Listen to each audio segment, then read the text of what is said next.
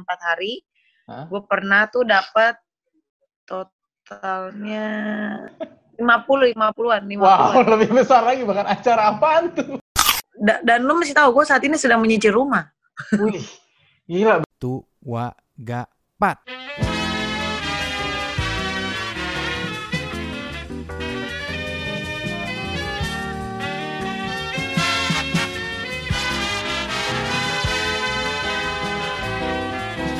Anda sedang mendengarkan The Bernhard Para Show.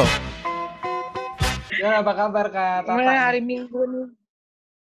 Baik, baik. Alhamdulillah baik dan masih waras. Karena yang penting Kesibukannya ditanyainnya sekarang waras. aja nih? Kalau sekarang alhamdulillah udah mulai ada eh, event-event digital. Jadi udah mulai kerja lagi. Alhamdulillah banget setelah dua Hmm. bulan kemarin. Nggak kosong full sih. Tapi ya nganggur hitungannya ya di rumah aja gitu.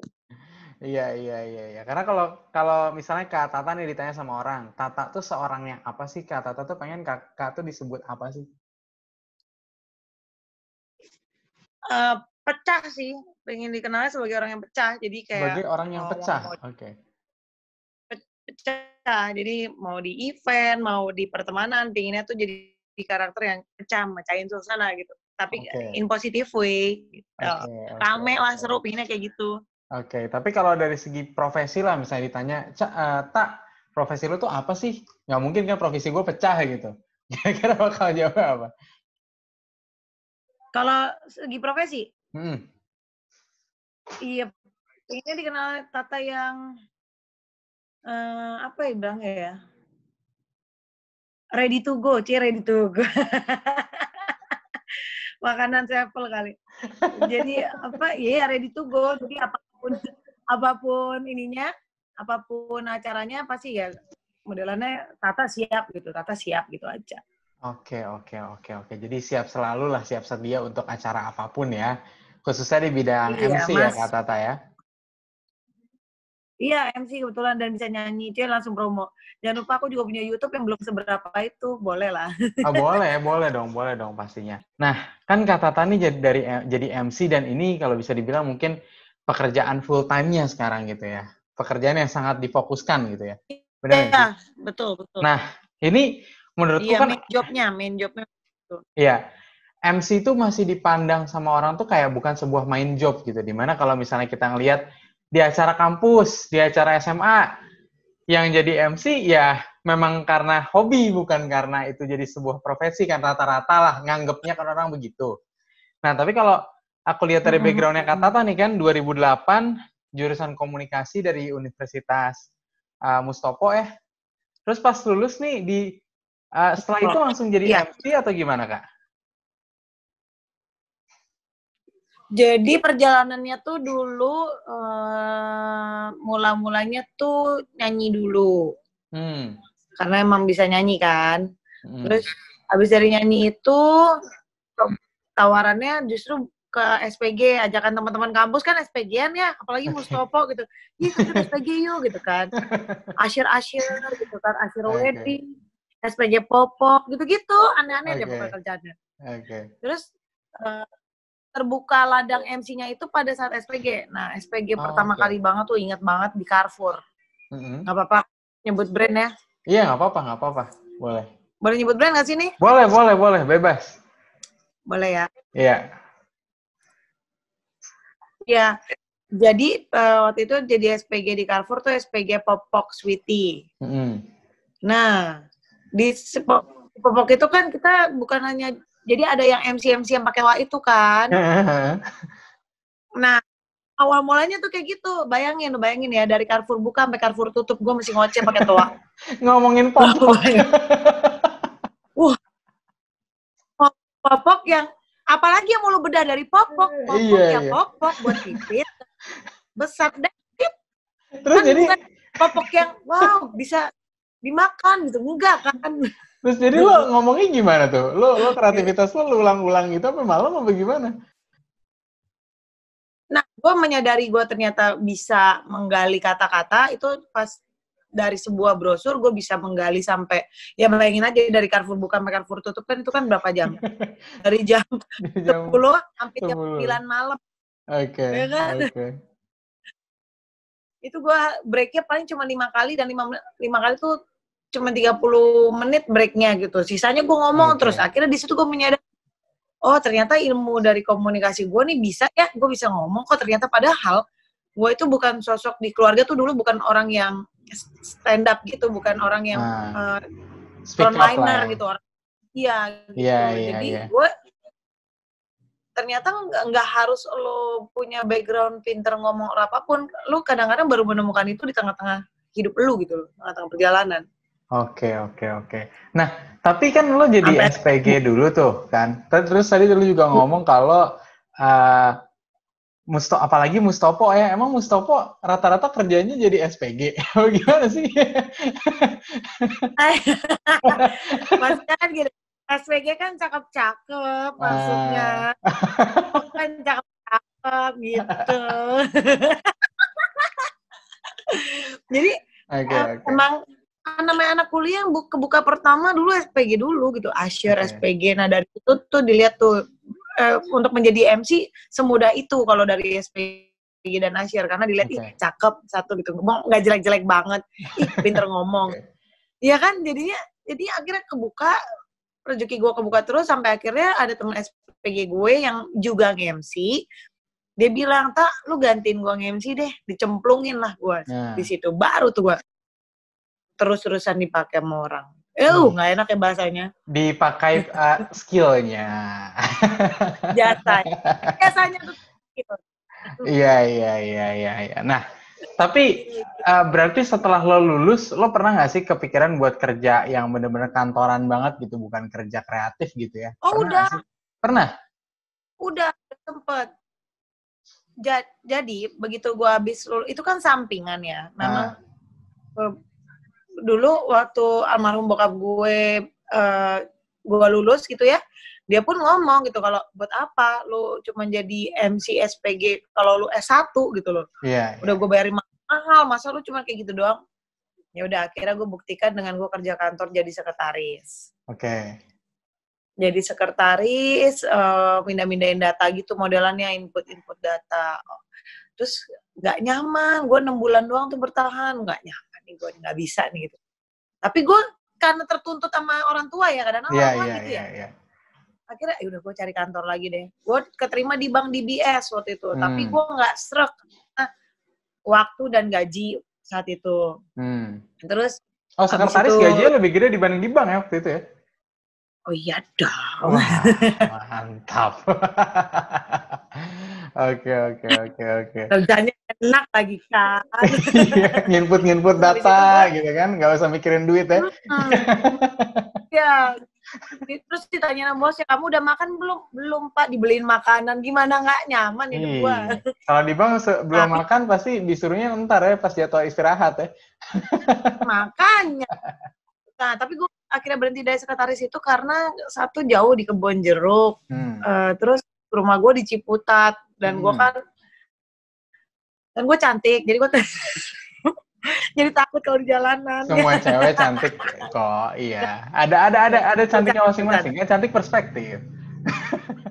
benar banget benar banget ngeliat angle orang beda-beda Yo. terus akhirnya gue ketemu dengan kantor IO Oke. Itu tapi di bank sempat Nah, masuk kantor- dulu apa gimana?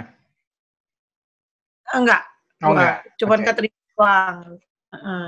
terus akhirnya tuh gue eh, keterima di IO karena kan Hmm. seputar entertainment itu kan kerjanya antara IO, advertising gitu-gitu aja kan. Iya, iya, iya, iya. Jurusan komunikasi juga di situ aja kan kerjaannya gitu. Jadi ya udah, gua masuk ke IO eh, di di IO gua malah jadi sering jadi internal MC. Itu dua tahun tuh gua. Wah, Hmm. duit duit MC kok lebih gede ya dibandingin duit gaji kantor. Pindah tuh puter balik. Oh, puter balik langsung, ah, MC bisa segede lagi. gitu? Sama kantor jauh? Kalau hitungannya gimana ya? UMR berapa sekarang? UMR 4 jutaan lah. Oke, 4 jutaan. Eh, let's say gue paling rendahnya ya, Hmm? MC-MC tuh.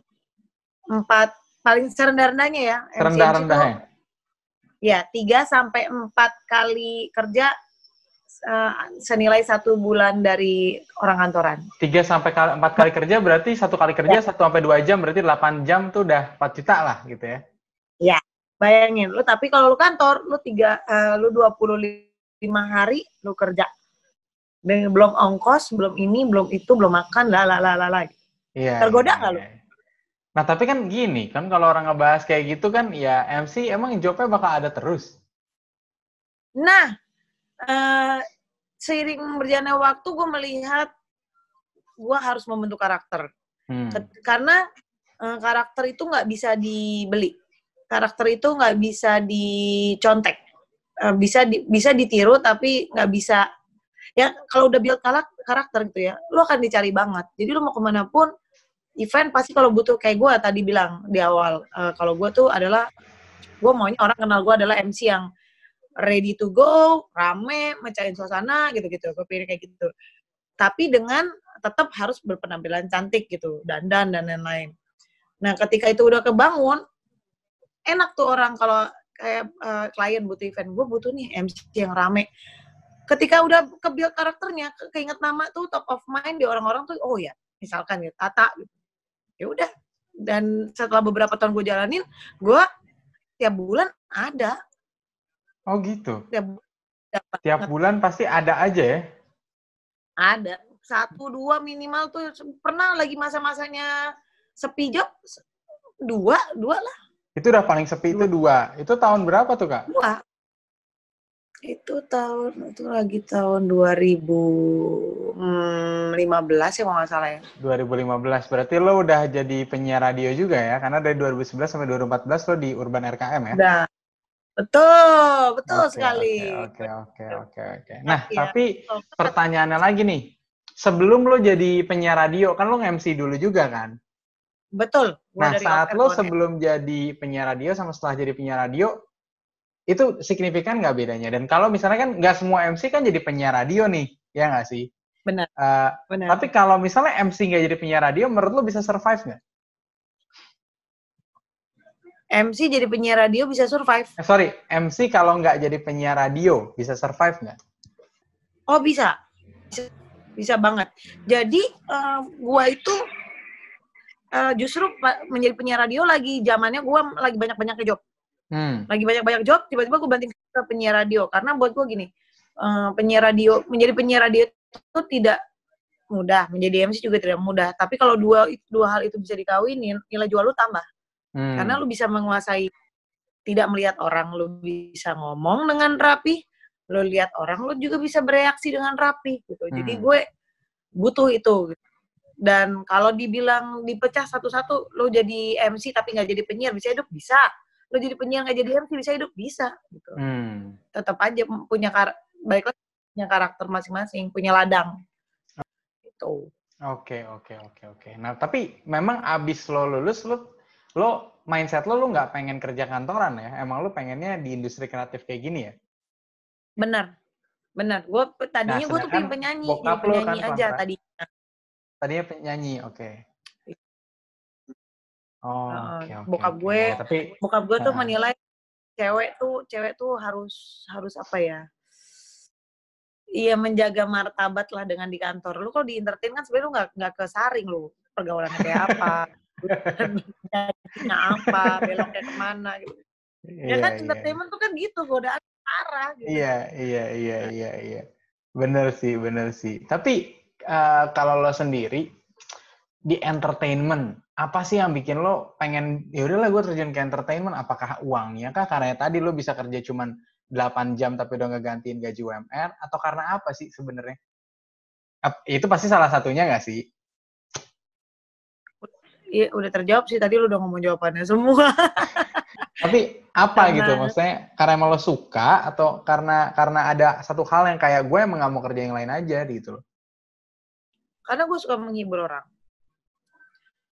Eh, seneng melihat orang happy itu sih base-nya jadi ketika lu mau pingin buat happy hasilnya tuh eh, bukan uang yang lu pinginin gitu tapi lebih ke bayaran wa- ekspresi orang itu yang yang pengen gue dapetin tuh. moralnya itu ya, kesenangan hati lo itu ya. Balik Emang lagi. ya. banget Oke. dan kayak, oke, kayak masa pandemi gini ya yang gue nih ya, orang entertainment ya gue kasih tahu nih harus pinter-pinter nabung godaannya Hmm. kan banyak ya karena duit itu datangnya cepet Iya. datangnya dan dan dan sangat mudah hitungannya iyalah lu cuman ngoceh ngoceh ngoceh ngoceh eh, dapat duit dibandingin orang yang ngantor ya kan capek 25 juga. hari Iya. kalau ngantor tapi kalau kantor kan bangun pagi rutinitasnya sarapan kalau nggak sempat sarapan pergi kantor ngadepin macet lalalala dimarahin bos lah gitu Eh, maksudnya kan perbandingan gitu ya walaupun punya beban masing-masing tapi kan kalau Hmm. dibandingin kan kayak mudah banget di entertainment gitu Iya, iya. Nah, iya. pinter-pinter lu nabung. Karena itu kayak suku bunga, fluktuatif. Event walaupun selalu ada, tapi kan nggak pernah kehitung kapan nggak adanya. Kayak kemarin tiba-tiba pandemi gitu kan. Hmm. Terus satu pintar nabung. Yang kedua, lu harus namanya entertainment tuh selalu ada budget entertainment ya.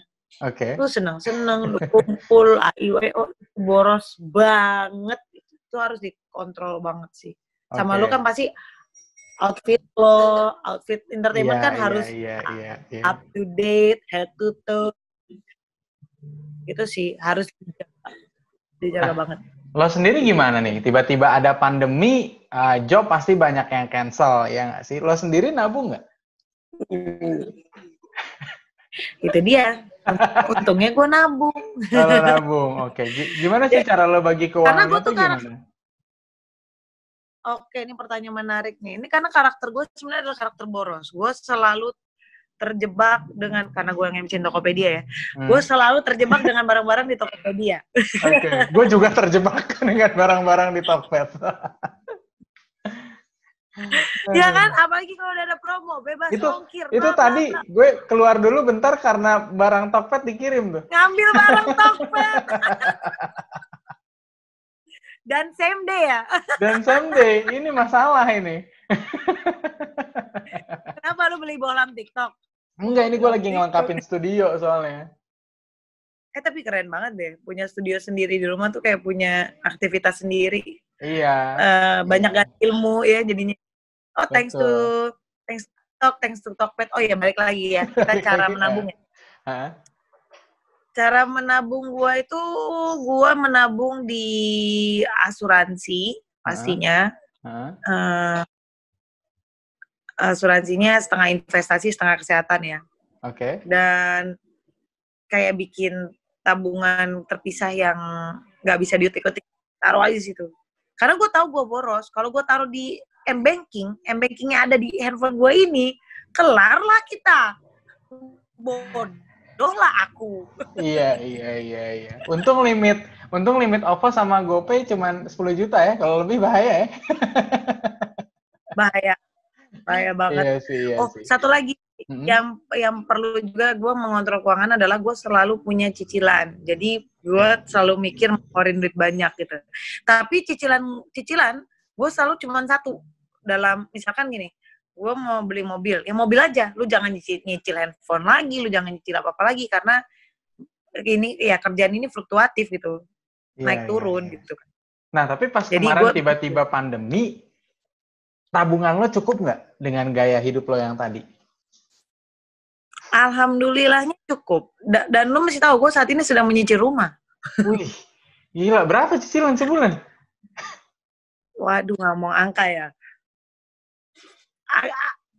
Ini sih, eh gue takut dikomentarin sama ini deh. Ini di sini nggak ada orang-orang konsultan keuangan kan nggak Oh, ada? enggak, enggak ada, enggak ada. Nggak tahu sih kalau yang nanti nonton. gue nggak tahu cara gue benar atau salah. Tapi Ah. sejauh ini buat aman. Hmm. Gue itu cicilan, gue ngambil rumah itu lima tahun. Mm-mm. lima tahun cicilan dengan per bulannya hampir 12 juta 12, juta 12 kurang juta. 600 eh kurang 6000 perak ya jadi 11 Wah. juta lah segitu Itu itu sekarang kan lu Iya. juga fullnya nge-MC nih. Dari MC ke bayar gitu ya. bayar nah itu dia emang orang tuh punya ladangan masing-masing tapi yang paling penting lu build karakter deh karakter tuh udah udah nggak ada yang nanding gitu lu kalau udah punya karakter yang beda dan lu harus gali terus kan yang namanya kreativitas seni itu kan semua nggak ada batas jadi lu Hmm. harus terbuka banget.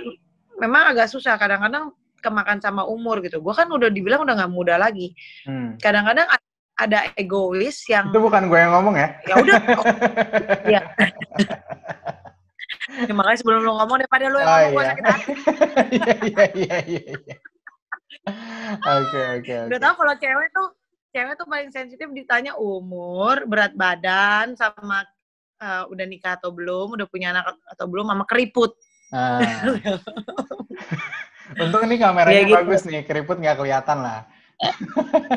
Makasih ya. Tapi kurang kelihatan kurang tidur ya. Gue lagi ini soalnya bener-bener ketagihan nonton Panji, stand up comedy dan lain-lain. Oh, kaget, gue kira kita- Panji manusia milenium. Jauh juga. Wow, Anda tahu? Aku nggak tahu itu apa. Oke, oke, oke, oke. Nah, Tadi tapi kita lagi ngomong apa sih? Lupa kan deh. saat pandemi nih, kan tiba-tiba pandemi, terus abis itu uh, perjalanan jadi MC lo kan ngomongin karakter. Tapi gini loh, saat sekarang tiba-tiba pandemi, lo banting setir nggak? Karena kan pandemi MC jadi pada cancel. Apa nganggur aja, bagaimana? Jujur dua bulan gue stuck. Eh, jadi gue tuh buka, eh, pasti orang orang-orang entertain rata-rata ya, tidak semua, tapi rata-rata tuh orang yang nggak bisa diem di rumah kan. Hmm. Justru kalau di rumah tuh bawaan karakternya jelek biasanya gitu. Nah, gue dua bulan stuck, stuck banget. Gue bingung mau ngapain. Mental gue mungkin agak jadi emosinya tinggi, keganggu, gue susah tidur dan lain-lain itu dua bulan. Tapi akhirnya gue nggak banting setir, justru gue tetap di jalur gue tapi mengembangkan. Karena ini kan eranya berarti orang di rumah aja digital. Iya. gue mengarah ke arah digital. Gue mulai aktifin lagi tuh em, teman-teman ayo gue ajak insta live or kita kumpul buat bikin podcast. Apa pun gue lakuin buat memperkuat nama gue di digital gitu. YouTube Hmm. juga YouTube kan bukan yang instan ya. Lu nggak bisa lu yang namanya bikin YouTube besok lu terkenal gitu. Kalaupun tiba-tiba viral ya emang rezeki lu aja gitu tapi Iya, kan iya. itu susah ya Iya, Mendapatkan betul. subscriber itu tidak semudah itu, kawan. Setuju, setuju, setuju, setuju. Dan dan untungnya gue masih kerja di Y Radio Digital. Oh, oke. Di situ juga ada YouTube-nya juga. Jadi gue masih tertolong lah secara pelan-pelan tuh gue tertolong dan tiba-tiba emang bener kan orang tuh semuanya mengalihkan event pun sekarang di digital. Sekarang akhirnya Hmm. mulai muncul digital. Jadi gue nggak banding setir, tetap di jalur gue tapi lebih melebarkan sayap aja. Lebaran sayap. Nah, tadi menarik nih. Sekarang jadi penyiar di Y Digital. Padahal 2011 sampai 2014 lo di Urban RKM Jakarta. 2015 sampai 2018 lo di All New Bahana FM 108, 101,8. Kenapa jadi ke radio digital gitu? Padahal itu udah radio frekuensi yang sekarang juga ada digitalnya gitu. Emang, emang. Eh, ngebe ngebeloknya sebelum ke Y Radio kan MC lagi. Tergoda Oh, lagi oke. sama duit cepat. Karena dari situlah saya bisa beli rumah. Kalau nungguin radio mah masih ntar-ntaran. Ini tapi jujur deh, lo lo tuh menarik banget menurut gue karena MC tapi bisa beli rumah gitu. Sedangkan gue punya ada temen lah satu, dia nge-MC juga susah gitu untuk sampai sekarang masih ngekos nih anak nih, udah umurnya hampir 29 30 lah. Nah, lo lo Punya mobil Kak? iya, lo lo gimana sih caranya sampai bisa dari nge-MC tuh bisa sampai beli rumah? Oke lah, lo udah jadi penyiar gitu ya, lo udah punya pengalaman nge-MC mungkin 8 tahun gitu kan, udah lama banget kan saat itu kan, lebih bahkan dari 8 tahun. Tapi dengan pengalaman lo jadi penyiar dan ada ada pengalaman radio itu, terus dalam waktu satu bulan itu tuh ada berapa job sih? Terus kayak negosiasinya gimana? Terus lo maintain apa aja sampai bisa lo nyewa apa beli rumah bahkan bukan nyewa lagi? Lu sebenarnya akan kaget sih. Gue tuh termasuk orang yang paling lamban untuk beli rumah. Teman-teman gue tuh udah pada punya beli kebun lah, tanah lah. Beneran. Gue tuh paling lamban di antara yang lain. Tapi kalau untuk namanya kita kan kalau udah ada buku pengalaman, nggak mungkin dong lu harganya sama terus. Hmm. Dan, dan dengan lu naikin harga pasti ada yang dinaikin dari diri lu sendiri gitu kan ya. Ya teman-teman lu itu itu udah udah berapa tahun MC? Setahu gue udah lima tahun lah, lima tahun. Udah lima tahun. Seharusnya dia udah tahu karakter dia di mana. Hmm. Dan kadang-kadang yang jeleknya MC yang tidak bisa nge-upgrade itu adalah daripada nggak ada kerjaan, gue ambil deh nih angka segini. Diambil lah angka kayak MC baru, padahal dia udah lima tahun gitu. Jadi dia tuh kayak nggak ada harganya gitu kesannya. Hmm. Tapi ketika lu ketika lu punya karakter, lu yakin itu tuh orang mencari lu, harganya juga harga harga berapa juga dikasih kalau kliennya emang suka gitu karena lu wah ini udah punya karakter gitu. Karena karakter Jadi, tadi yang yang ketika- punya lo gitu kan. Emang emang Nah, harga paling gede dia. untuk sekali MC berapa sih? Uh. Yang kayak Oke. pernah lo dapet tuh satu kali MC tuh berapa berapa juta sih? Oke, gue pernah Leslie berapa ya? Eh, Sebentar, oke, gue pernah sehari 10 juta pernah sehari. Sehari itu berarti berapa jam tuh? Tiga jam, 2 sampai 3 jam. Dan itu yang paling gede ya, 10 juta sekali ya. Sehari lagi kan 3 jam ya. Enggak sih, ada sih satu lagi. Eh berapa ya?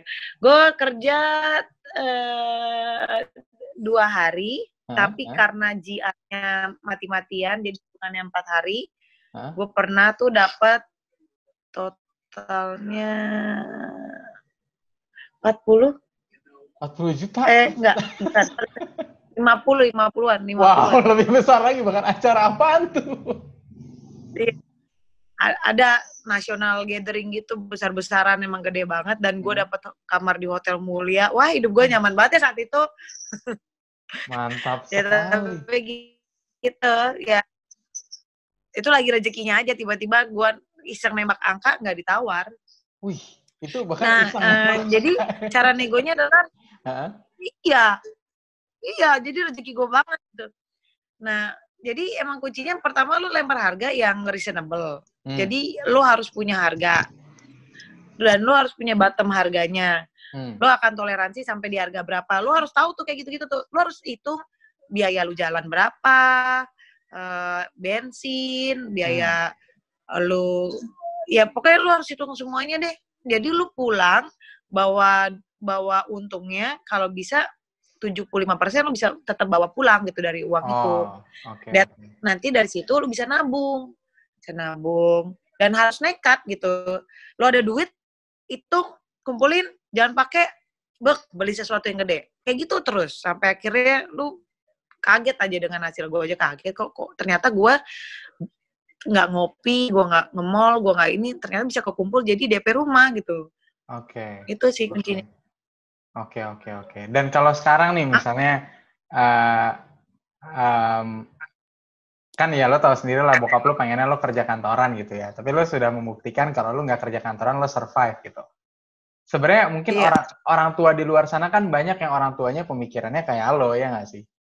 Kalau lo ngomong ke orang tua orang tua kayak gitu, ini anaknya nih abis lulus SMA atau lulus kuliah, lo bakal ngomong gimana? Apakah ya udah jadi MC aja apa apa jangan deh padahal anaknya udah kekeh banget pengen jadi MC gitu Oh jadi gini, kalau buat para orang tua nih yang denger ya, gue mau titip pesan doang. Anak itu bukan bukanlah sebuah aset dari mimpi lo yang gak kecapai. Mimpi mimpi para orang tua yang gak capai. Karena anak kan dijadiin gini nih.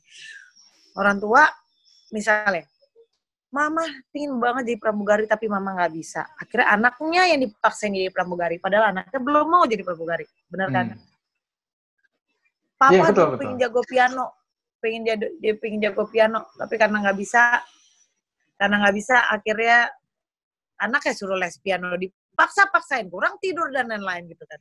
Jadi buat para orang tua yang mendengar ini, anak bukan anak bukan hasil dari mimpimu yang tidak tercapai, biarkan dia mengikuti alurnya, kasih dia ruang dan beri dia eh, tanggung jawab atas dirinya sendiri karena nantinya dia yang akan bertanggung jawab sama dirinya sendiri. Eh, jujur perjuangan gue menjadi seorang MC itu gue sempat dipandang sebelah mata sama keluarga besar. Hmm.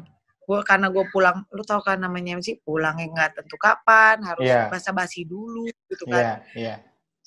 Yang diserang memang orang tua kita sama keluarga besar. Anak lu mau jadi apa? Gini gini gini.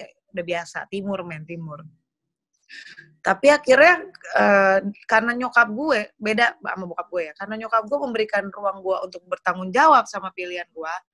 Akhirnya gue membuktikan nggak bisa nih. Gue nggak akan memberikan celah sama orang lain untuk mempermalukan nyokap gue bahwa anaknya jadi gini, jadi entertainment, entertainment gitu, entertainer, Hmm. sorry. Hmm.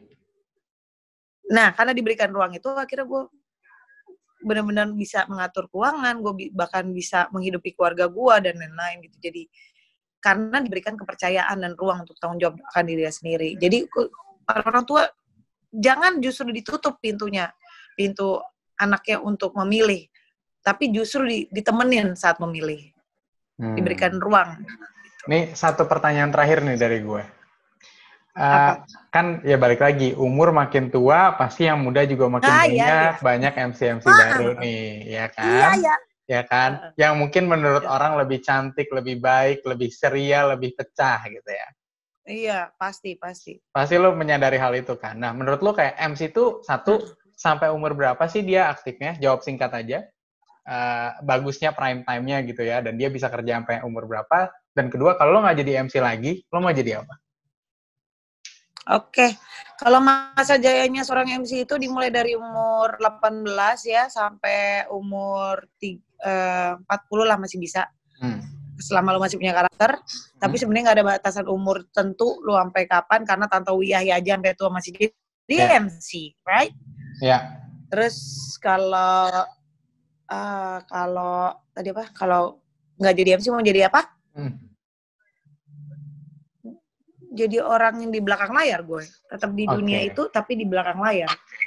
lebih mungkin manage MC-MC Atau- baru dan lain-lain ya. Itu juga. Nah, Termasuk siap, siap, siap, siap. Wah, thank you banget nih, keren banget nih. Eh, kita benar-benar Eh, gue dapat insight baru nih. Karena Jangan lupa ya, nabung loh, lo jangan lupa nabung. udah, udah, gue udah, gue udah sadar nabung banget sih. Alhamdulillah, sekarang udah ada beberapa. Apa? Karena. Tokped dateng? Iya, tapi memang Tokped selalu menggoda gue, apalagi kalau udah tiba-tiba ada bonus OVO kan. Bikin kesel. Iya. bonusnya bonusnya cuman sepuluh ribu terus cuman tiga persen tapi gue jadi pengen beli Belum lagi ya, kalau misalkan lo update OVO terus, bukan dipakai di Tokped doang, bisa di Grab, ya kan? Iya. Jadi makanan juga promo mulu. makanya. Aduh bener-bener dah pokoknya mantap lah intinya. Intinya kak Agatha Brilianti eh, kata Ta Yang nih panggilannya. Thank you banget udah hadir di The Bernhard Farah Show hari ini ya. And pokoknya se- semoga sukses selalu lah sama semua karir lo semua yang lo jalanin. Em, ya intinya kita alhamdulillah ya bisa melewati pandemi ini kak Eh tapi lo tau gak sih nama gue tuh istilahnya Tata Yang tuh dari mana? dari mana Dari tak kenal maka Tata Yang. ini serius nggak sih? serius nggak sih Itu bikin serius. ininya itu? Like, like line gue tiap kali naik panggung. Tak kenal maka Tata Yang gitu. Sesimpel itu ya. Tapi mantap sih. Iya lo kasih saran ya. dong ke gue nama-nama kayak gitu dong. Kayak nama gue kan selalu gue kenalin Bernhard Faras, mungkin ada nama lain yang kayak gitu-gitu.